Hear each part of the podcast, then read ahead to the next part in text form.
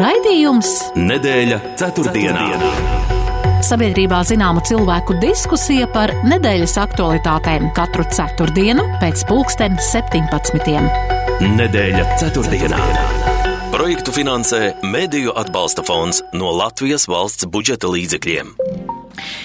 Sveicināti, kurzemes radio klausītāji! Šoreiz tiekamies augusta pēdējā dienā. Jau rīt mācību iestādes uzsāks jauno mācību gadu ar priecīgu atkal redzēšanos, un aizvadītās septiņas dienas Latvijā iezīmējās ar jaunās koalīcijas veidošanos, jaunā mācību gada uzsākšanu, kā arī ar Latvijas-Baltkrievijas robežas uzraudzību. Pie tam jautājumam par Eiropas Savienības un Baltkrievijas robežas aizsardzību tiek spriests arī plašākā mērogā, jo šajās dienās par to sprieda arī Baltijas valstu un Polijas iekšlietu ministri. Aizvien biežāk medijos parādās informācija par dronu uzbrukumiem objektiem Krievijā, tiek ziņots par bojātām lidmašīnām, noliktavām un citiem objektiem, kam ir nozīme Krievijas armijas apgādē. Oficiāli apstiprināta Wagner organizācijas līderu bojā eja un Krievija informējusi Brazīlijas aviācijas negadījuma izmeklēšanas pārvaldi, ka tā neveiks grupējumu Wagner dibinātājiem Prigožinam piederējušās Brazīlijā ražotās lidmašīnas avārijas avārijas izmeklēšanas atbilstoši startautiskiem noteikumiem. Vagneriešiem tagad tiek izdotas citas pases, par ko Baltkrievijas opozicionāri izsakās, ka tādā veidā iespējams tiek gatavota augsne diversijām. Multinacionāla sabiedrība arī valstu valdībām rada izaicinājumus kompromisu atrašanā. Kā sadzīvot rietumu un musulmaņu pasaulēm, cik tālu iespējama piekāpšanās attiecīga apģērba nēsāšanā un arī tādu reliģisko tradīciju atzīšanā. Ir daudz un dažādas tēmas, kam šogad tika pie, šajā nedēļā tika pievērsta uzmanība, un tādēļ par dažām arī parunāsim šodien ar raidījumu viesiem, un tie ir Žaneta Ozoliņa, politoloģe, Latvijas Universitātes profesore. Labdien! Vai jūs mūs dzirdat? Mums kaut kas ir ar kaut kāda tehniska kļūmīta ar skaņu. Mūs dzird Žaneta Ozoliņa dzird mūs? Jā. Jā, labdien! Labdien! Un otrs viesis ir Māris Antonevičs, žurnālists, laikraksta Latvijas avīze politikas nodaļas vadītājs. Labdien! Sveicināti! Jā, un jautājums sarunas ievadam. Valsts prezidents aicināja skolotājus, uh, uzrunājot viņus konferencē, būt piemēram skolu jauniešiem. Vai jūs atceraties no saviem skolas studiju laikiem kādu skolotāju pasniedzēju, kurš jūs iedvesmoja un arī raisīja vēlmi līdzināties vai līdzīgi redzēt pasauli, kā tas tika mācīts? Sākšu ar jums, Ozoliņas kundze. Protams, jāteic ka 1. septembris tā ir arī reizē mana profesija. Un, un, un sākot no septiņu gadu vecuma, 1. septembris vienmēr uh, ir, ir, ir viena no tām dienām, kas ir ļoti svarīga mūsu ģimenē.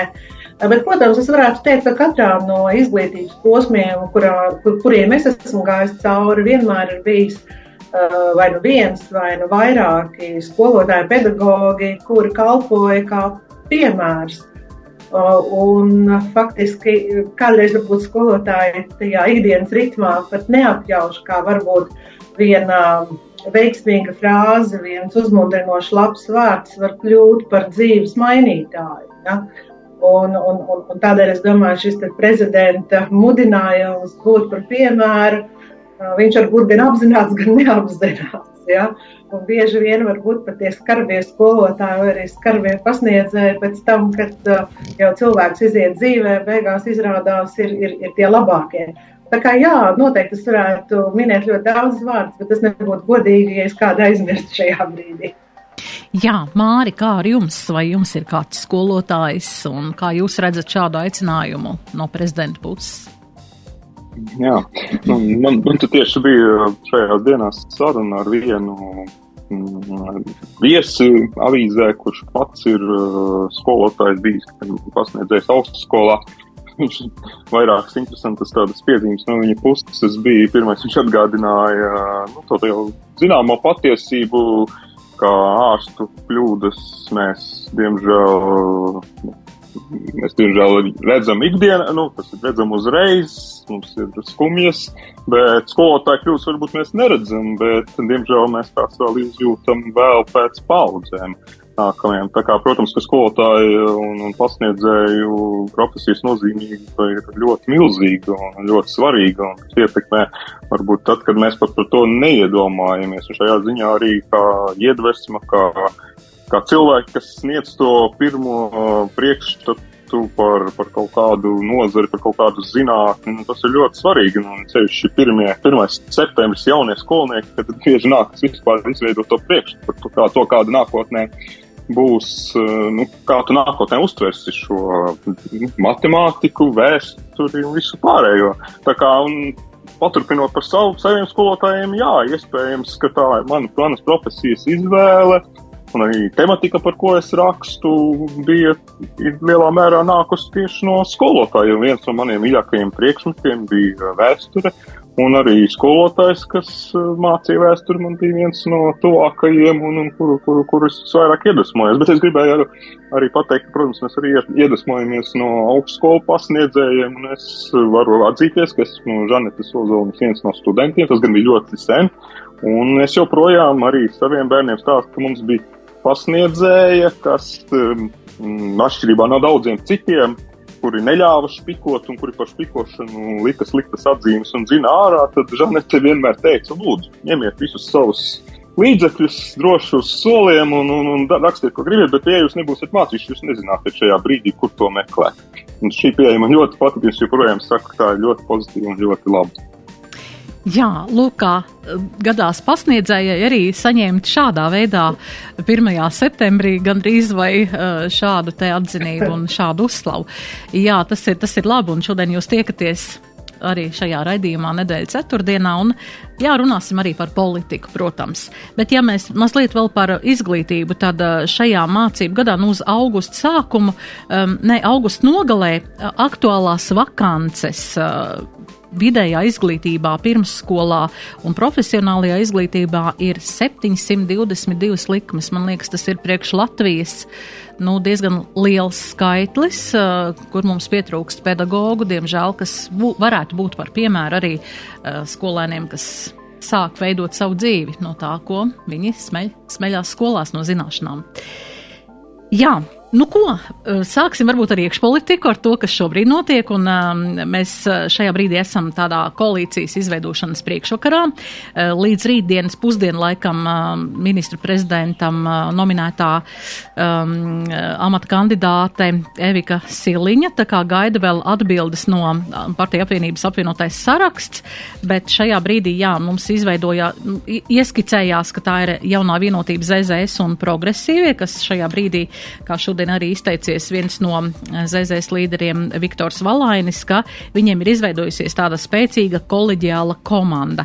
Um, ko mēs varam um, secināt no šī, prognozēt par šādu iespējamu koalīciju, ja tajā nebūtu neapvienotā saraksta, ne arī Nacionālās apvienības? Um, Ozoliņas kundze, sākšu ar jums. Jūs jau zināt, ka man nepatīk runāt priekšpolitiku, piespiežot pie sienas. Um, bet šajā gadījumā ir jāsaka tā, ka mm, tas viss būtu uh, ļoti jautri, ja tas nebūtu tik skumji.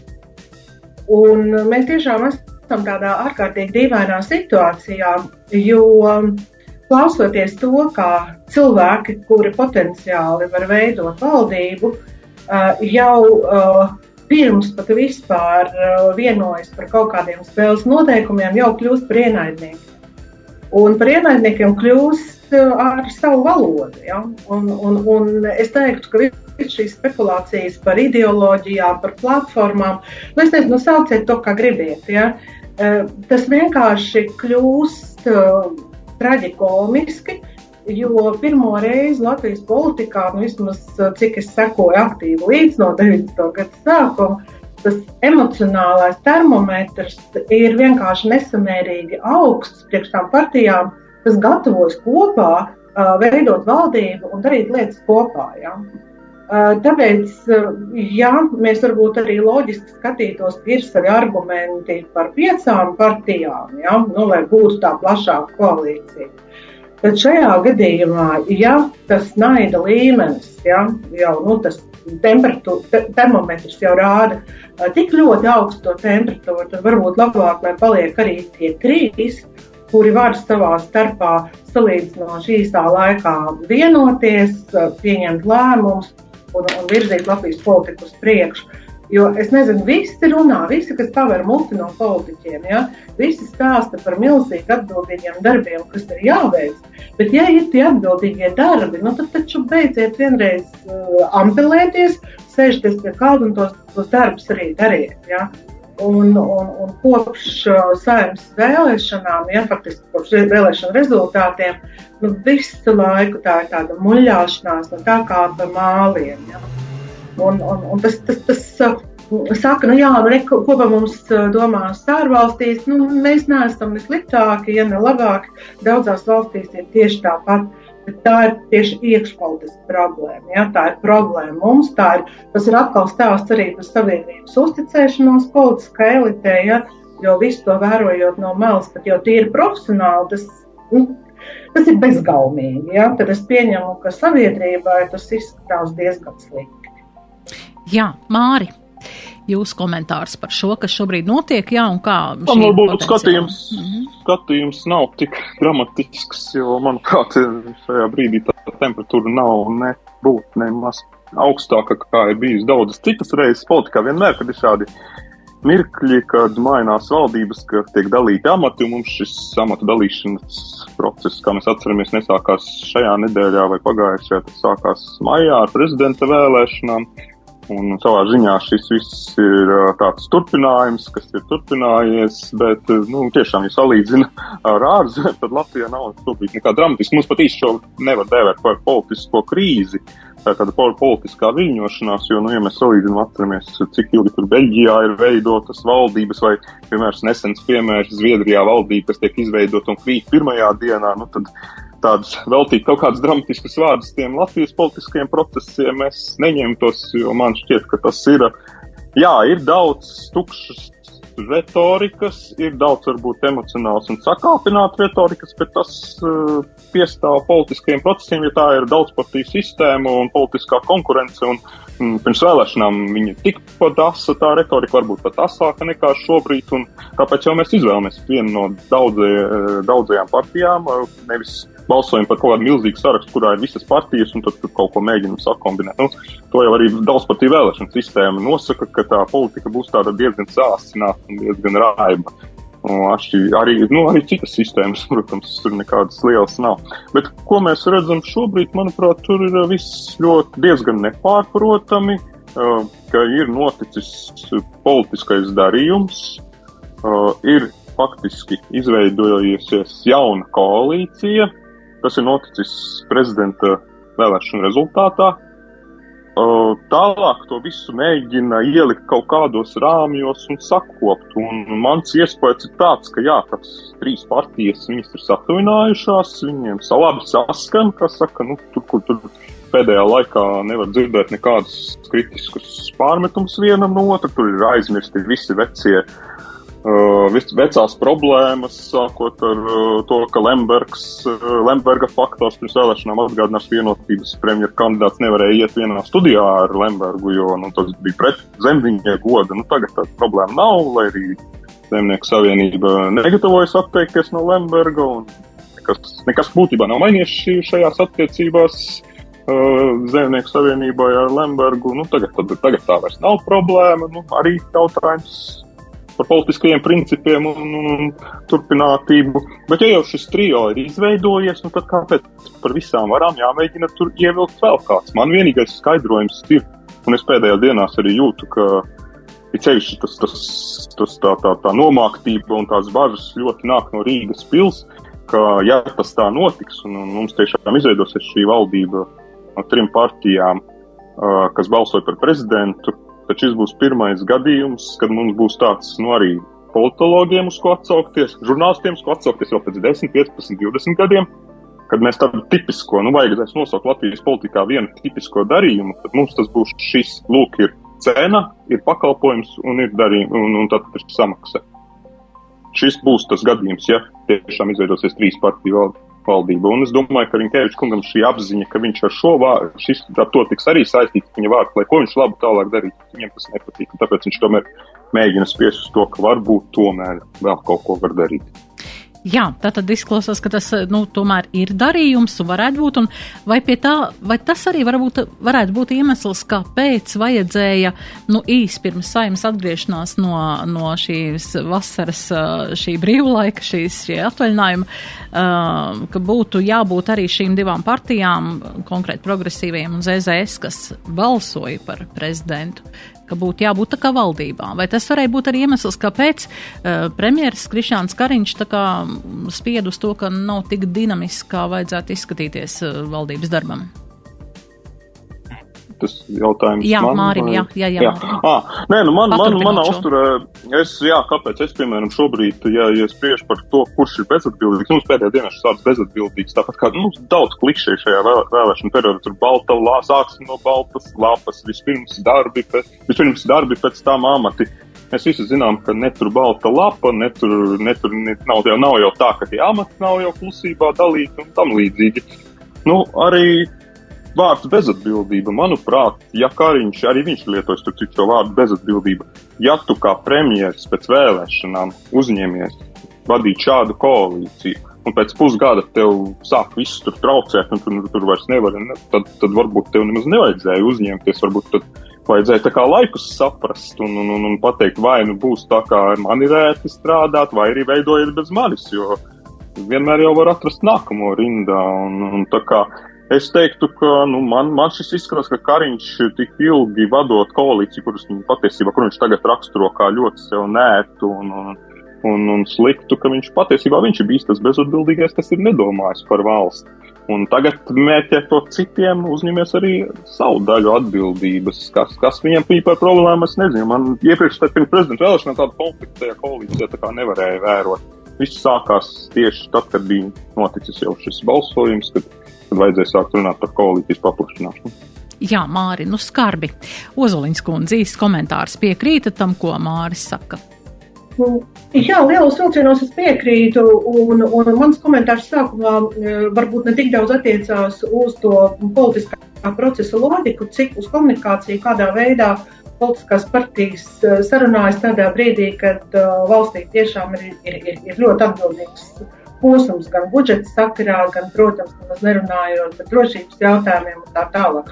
Un šī sakāpinātā retorika nenāk pa labu ne uh, lēmumu pieņemšanai par to, kādu koalīciju veidot, gan arī, protams, kā es minēju, uzticības sabiedrībai mazinās. Bet es domāju, ka viena no tām problēmām, uh, ko Māris neminēja, kāpēc uh, Kariņam radās šī brīvdienu vēlme tomēr atkāpties, ir tas, ka pieaugušā veidā uh, sāka apvienotais saraksts ar vien biežāk bloķēties ar, ar, ar Nacionālo apvienību, kā rezultātā viņam kā premjeram un arī jaunai vienotībai, kā nu, tam lielākam politiskam spēkam, arvien grūtāk uh, kļuva pieņemt lēmumus un virzīt uz priekšu savas politiskās iniciatīvas. Ja?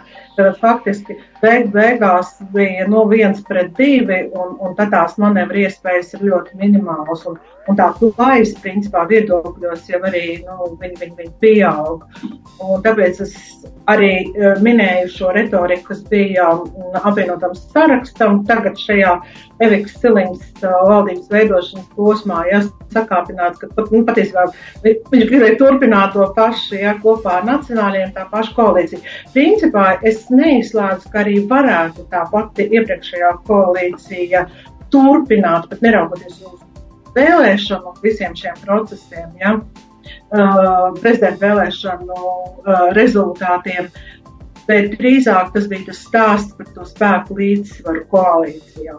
Un savukārt šī jaunā, lai arī trīs partiju koalīcija, ja viņam tā kā nu, veidos, lietojot starptautisko terminoloģiju, nu, būs tāds atslābums ja, partiju starpā un būs iespējams, es pieņemu, ja, ka būs iespējams ātrāk pieņemt lēmumus. Lai gan, nu, protams, tās visas ir, tie visi ir pieņēmumi. Bet tajā pašā laikā es domāju, nacionāliem ja, īpaši nevajadzētu uztraukties par nākamajām vēlēšanām. Nu, elektorāti, jo tas ir diezgan stabils, viņiem ir skaidra retorika, ja, un, un, un principā un, e, viņiem nav jābaidās no nākamā vēlēšanām. Bet apvienotajam sarakstam gan šī brīža uzvedība var diezgan daudz ko maksāt, Jo tādēļ, ka aizejot opozīcijā, lai arī cik skaļi un draši runātu viens otrs apvienotā saraksta cilvēks, ja, viņu tie vēstījumi uh, var pazust tajos vēstījumos, ko saka jaunā vienotība, ko saka ZZS, un pienākot nākamām vēlēšanām, nu, viņus gaida uh, var, var sagaidīt tāds pats liktenis kā citas uh, viendieņu partijas. Jā, partija apvienības, jā. Mums ir maz reklāmas pauzīt, un tad pāriesim mazliet ārpus robežām. Sabiedrībā zināma cilvēku diskusija par nedēļas aktualitātēm. Nedēļa ceturtdienā. ceturtdienā. Kur vien skaties, tikai plusi. Domaletī vinila grīda sagums 16,99 km2. Smaragds tūja 7,99 eiro. Rudens mēslojums kristalons 4,99. Kā senukai. Piedāvājumi spēkā līdz 25. septembrim. Arī kā senukai LV. Nedēļa ceturtdienā. ceturtdienā. Nedēļas ceturtdienā turpinām raidījumu. Šodien raidījumu viesi Žaneta Ozoliņa un Māris Antonevičs. Jā, eh, runā, runājām par iekšpolitiku, bet tagad mazliet pāriesim eh, pāri tepat pie tuvākajām robežām, un mēs zinām, ka um, sākās tādā nopietnā, nu, mēs baudam nopietnu tādu situāciju, izjūtam, kas notiek pie Latvijas-Baltkrievijas robežas, un arī šajā nedēļā mm, Krievijas propagandas kanāli kā izplatīja informāciju, ka lidojošie droni, kas ir lidojuši līdz Kurskai, varētu būt nākuši no, no Baltijas valstīm un, un šādā veidā, un, un ņemot vērā arī to, ka Baltkrievijā mēs zinām, tika izvietot šis Wagner, šī te organizācija, kas, nu, šobrīd es maz, maz mēs ko zinām, bet uh, tiek kaut kādā veidā arī izformēta un pārsūtīta uz citiem, varbūt karstiem punktiem. Bet eh, kā šobrīd, um, Ozoliņš kundze, jūs eh, šo situāciju raksturot, kas notiek Baltkrievijā saistībā ar Vāgneriešiem un, un vispār šīs te, šīs te tādas, tādas retorikas par, par šiem nu, uzbrukumiem, eh, Krievijas dažādiem šiem objektiem, noliktavām, lidlaukiem, Um, kā jūs vērtējat šo kopējo to situāciju, kas šobrīd notiek tepat pie mūsu robežas? Um, īsi runājot, varētu teikt, ka tas, ko mēs uh, redzam, dzirdam par un ap Baltkrieviju, ir ļoti klasisks uh, hibrīda kara vai hibrīda apdraudējuma piemērs, uh, kuru raksturo ar tādu vārdu kā migla. Un uh, hibrīda kara viena no tādām vistipiskākām izpausmēm ir uh, sēt tādu migliņu, kaut kur biezāku, kaut kur šķidrāku, ja, uh, ka cilvēks uh, raugoties sev priekšā, viņš nesaprot, kas notiek. Ja. Uh, ko viņš redz, kas ir šķietamība un, un, un kas ir īstenība. Un tas, kas notiek Baltkrievijā, ir, ir uh, savā ziņā ļoti spilgts piemērs, lai gan ir lietas, kuras mēs redzam diezgan skaidri. Un tas, ko mēs redzam skaidri, mēs redzam, ka Lukašenko ir tur, kur viņš ir.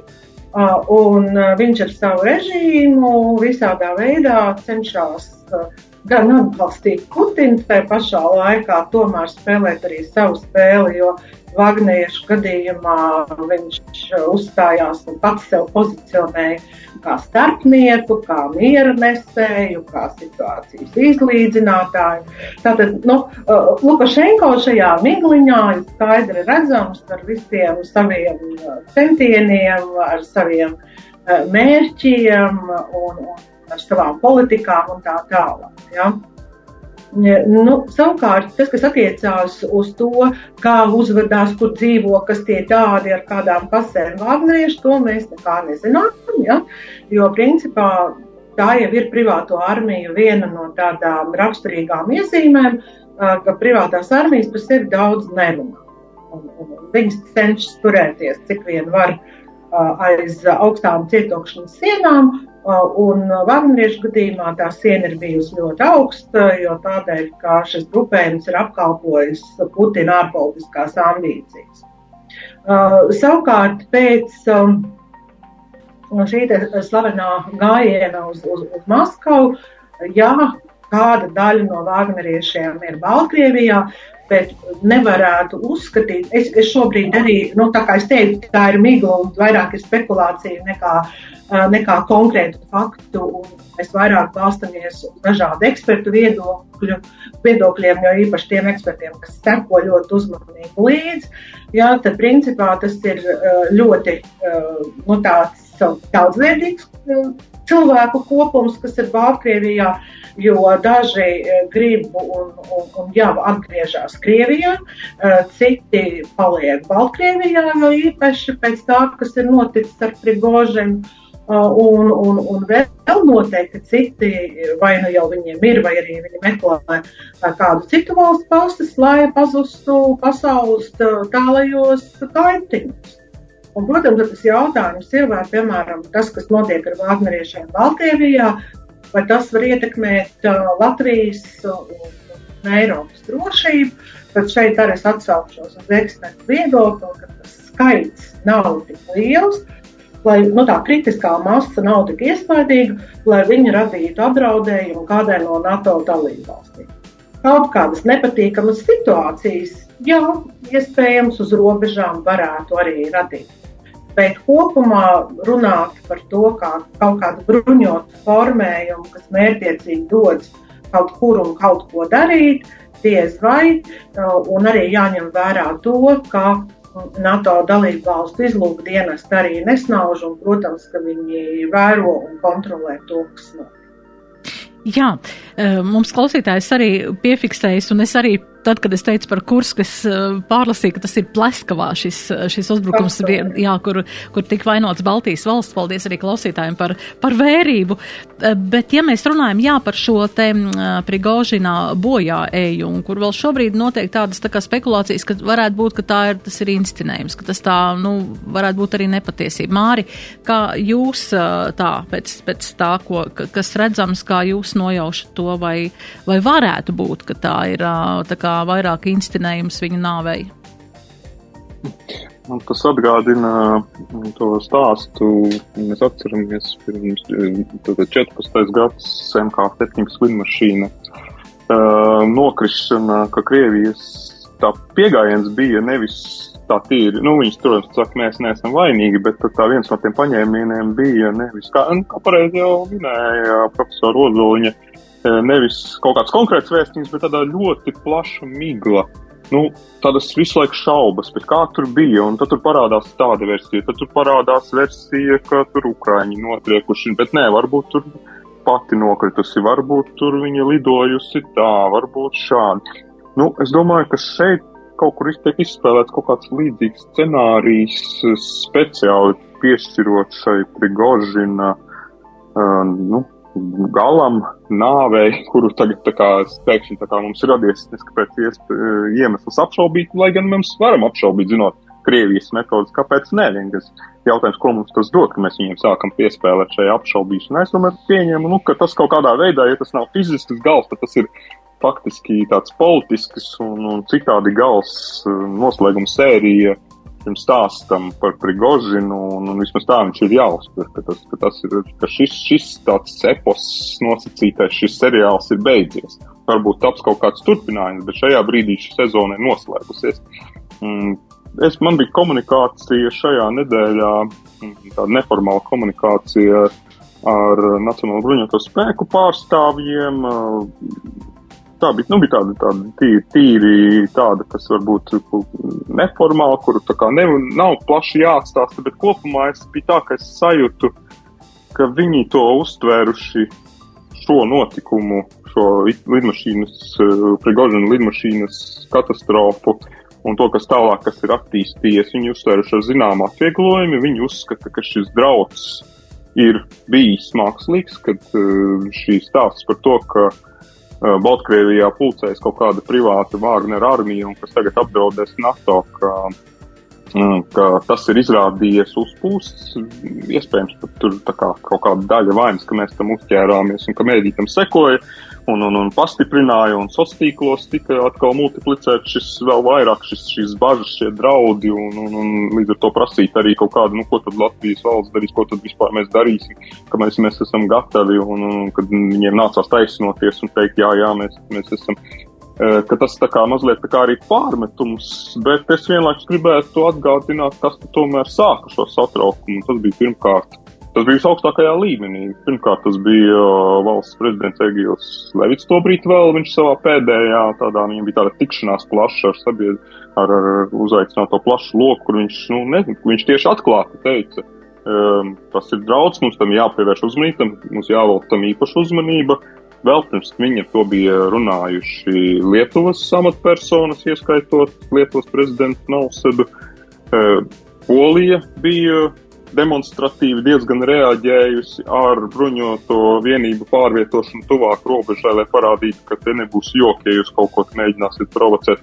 Un 11. jūlijā bija trīs Baltijas valstu prezidentu vēstuli. Tad mēs tomēr to uztvērām nopietni, un, un šobrīd mums ir zināms, tā kā varbūt arī izlūka dienas informācija un vispārējais liecina, ka tomēr tas ir bijis šajā gadījumā tikai kaut kāds izspēlēts teātris ka tie draudi tomēr nebija tik nopietni, kā sākumā šķita. Nu, tas, protams, ir labi, jā, ka mēs to varam tā secināt. Jā. Kā jūs uh, varētu vērtēt, uh, Ozoliņas kundze, es gribētu jums pajautāt šo, kad um, tas, kas šobrīd notiek arī ap Maskavu, Maskavas apgabalos, uh, kad ik pa laikam tiek slēgts šīs uh, lidostas dēļ dronu uzbrukumiem, vai tas, vai sabiedrība, nu, teiksim, Krievijā, nu labi, Krievijā galajos tādos apgabalos, kur no kurienes tiek ņemti šie cilvēki karaspēkam, viņi saprot, ka viņu vīri, brāļi, dēli iet bojā. Bet eh, tā, tā salas jau ir pašā tajā Maskavā, Sanktpēterburgā. Vai sabiedrība ierauga to, kad, nu, kad Ukrainā ir reāls karš un ka tas ir kaut kādā veidā būtu jārēģē uz to? Tas kaut kā ietekmē to sabiedrības domu. Stāsts par uh, Krievijas sabiedrisko domu vispār ļoti sarežģīts, uh, tādēļ, ka ne mēs tā īsti varējām paļauties uz kādiem pētījumiem pirms kara sākuma, un vēl mazāk, protams, mēs varam paļauties uz pētījumiem, kas ir uh, pēc kara.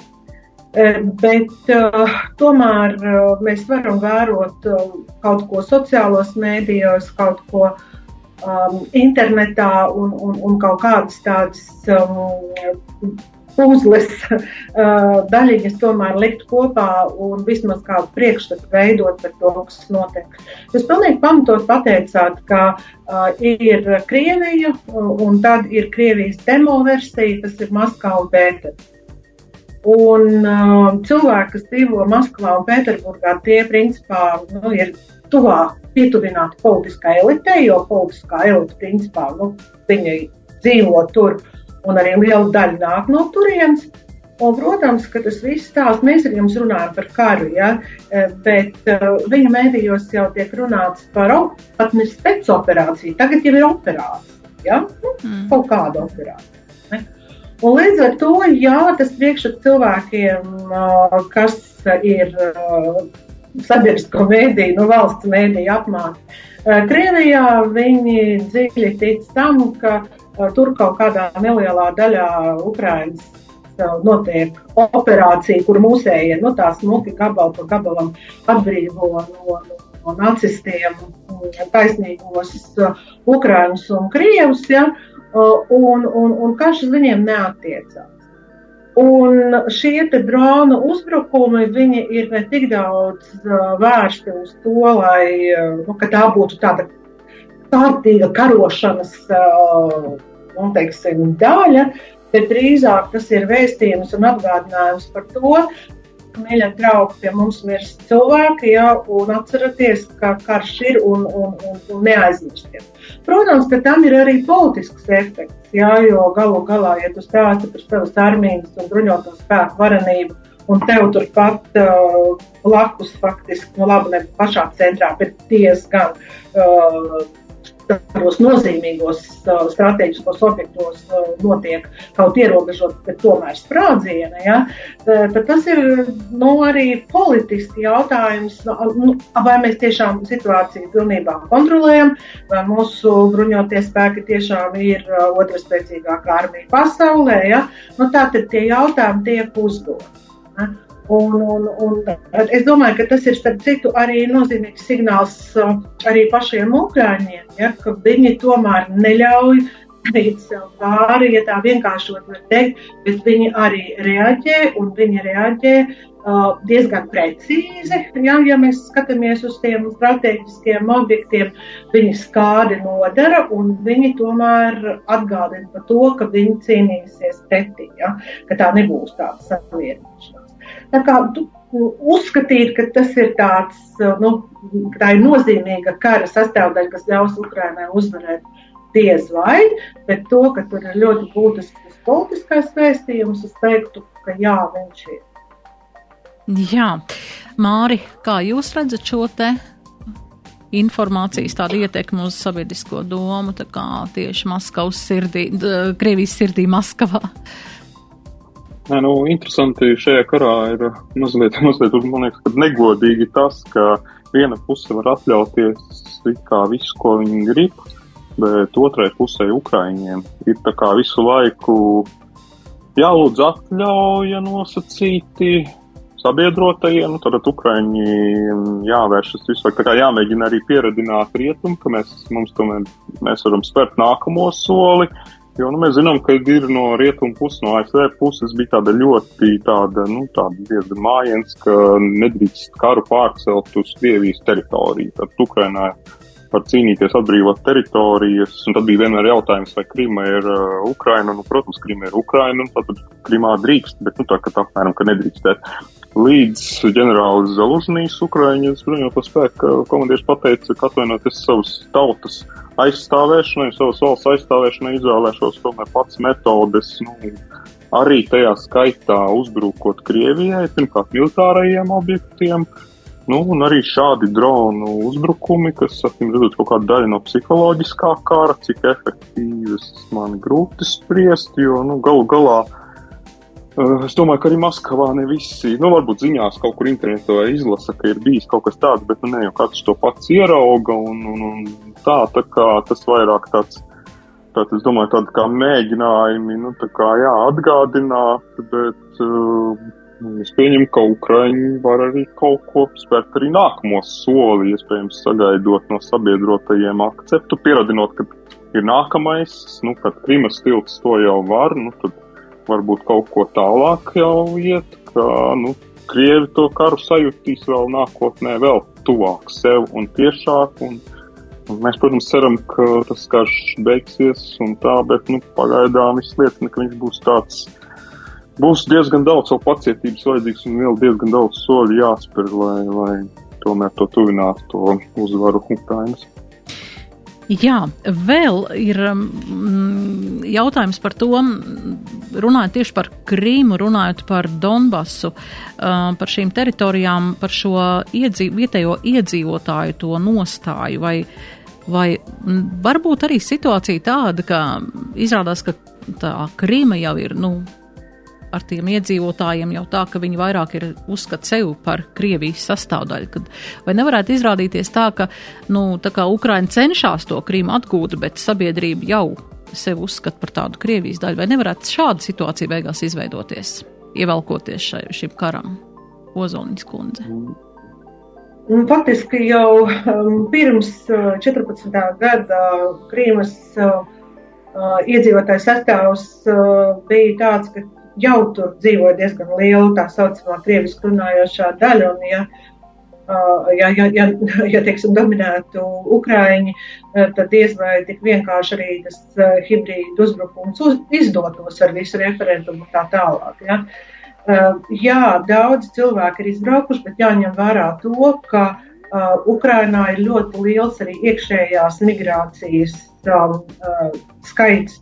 Uh, un tie ukrāņi, nu, teiksim, Krimas iedzīvotāji, vai tie bija tatāri vai ukrāņi vai krievi, kas uh, aizmuka no Krimas 14. gadā, um, dēļ, dēļ, dēļ skaistā referenduma, viņi jau principā gaida to brīdi, kad viņi varēs atgriezties. Ja? Uh, tā kā uzskatīt, ka ja šobrīd uh, tur dominējošā daļa dzīvo cilvēku, kuriem patīk būt Krievijas sastāvā, tad tas ir daļēji mākslīgi, ja, dēļ piešķirtām pasēm, ja, dēļ, dēļ uh, smadzeņu skalošanas un vispārējā, bet stāv uh, tik tiešām liels skaits cilvēku, kas gaida to brīdi, ka viņš varēs atgriezties atpakaļ mājā. Ja.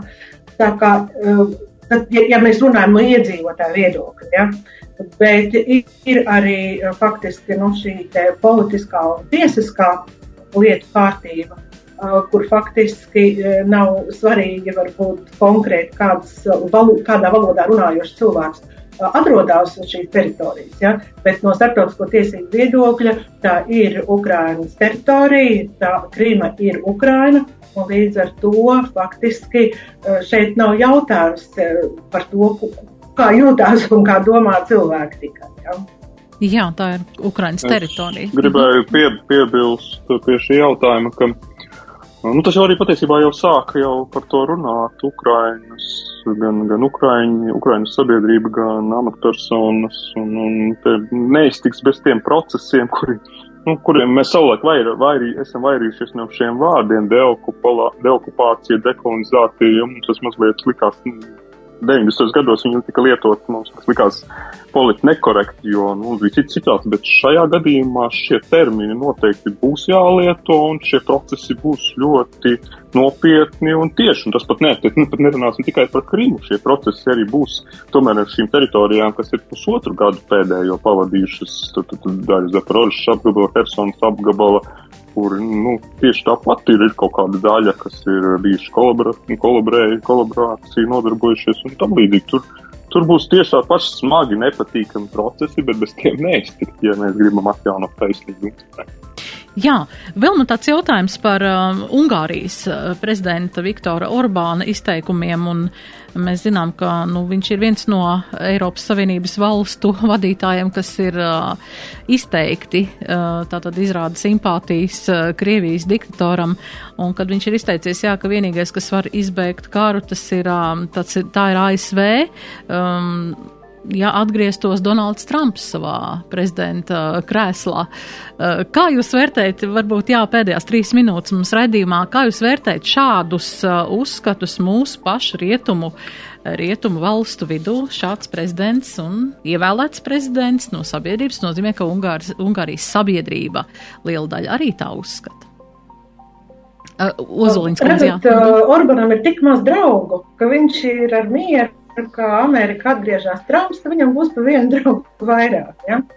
Uh, bet uh, ir uh, tiešām tas, ko jūs pats pieminējāt, ir demokrātija, viņš ir ievēlēts. Un, lai kā varbūt pārējās Eiropas Savienības dalību valstīs tas nepatiktu un sagādātu uh, tādu ļoti nērtu situāciju, ar šo situāciju ir jārēķinās.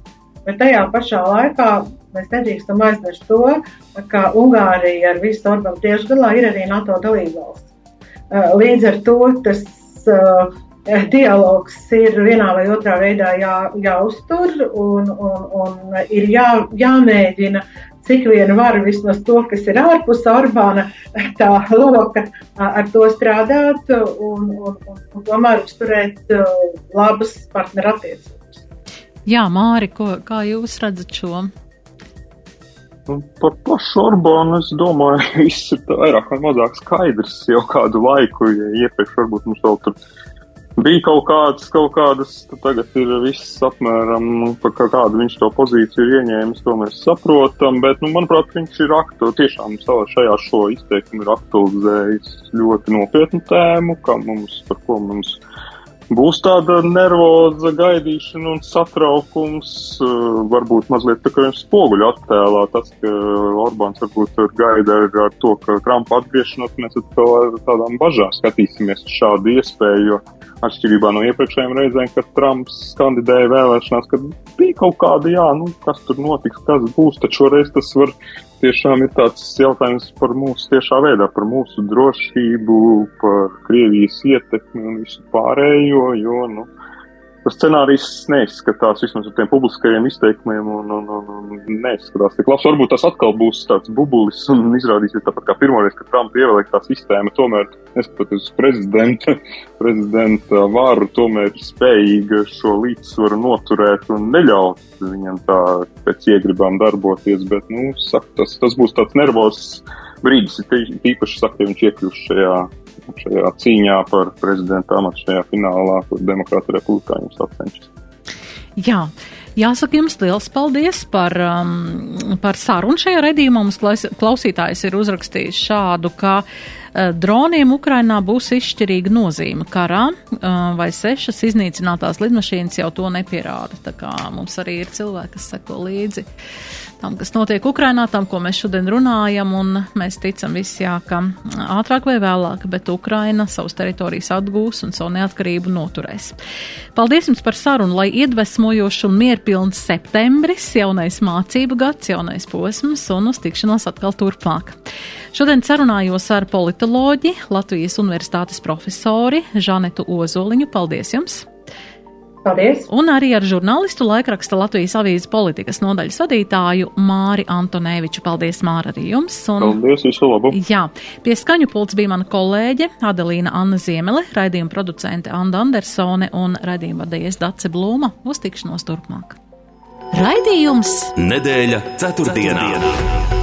Sabiedrībā zināma cilvēku diskusija par nedēļas aktualitātēm katru ceturtdienu pēc pulksten 17. Nedēļa ceturtdienā. Projektu finansē Mēdīju atbalsta fonds no Latvijas valsts budžeta līdzekļiem.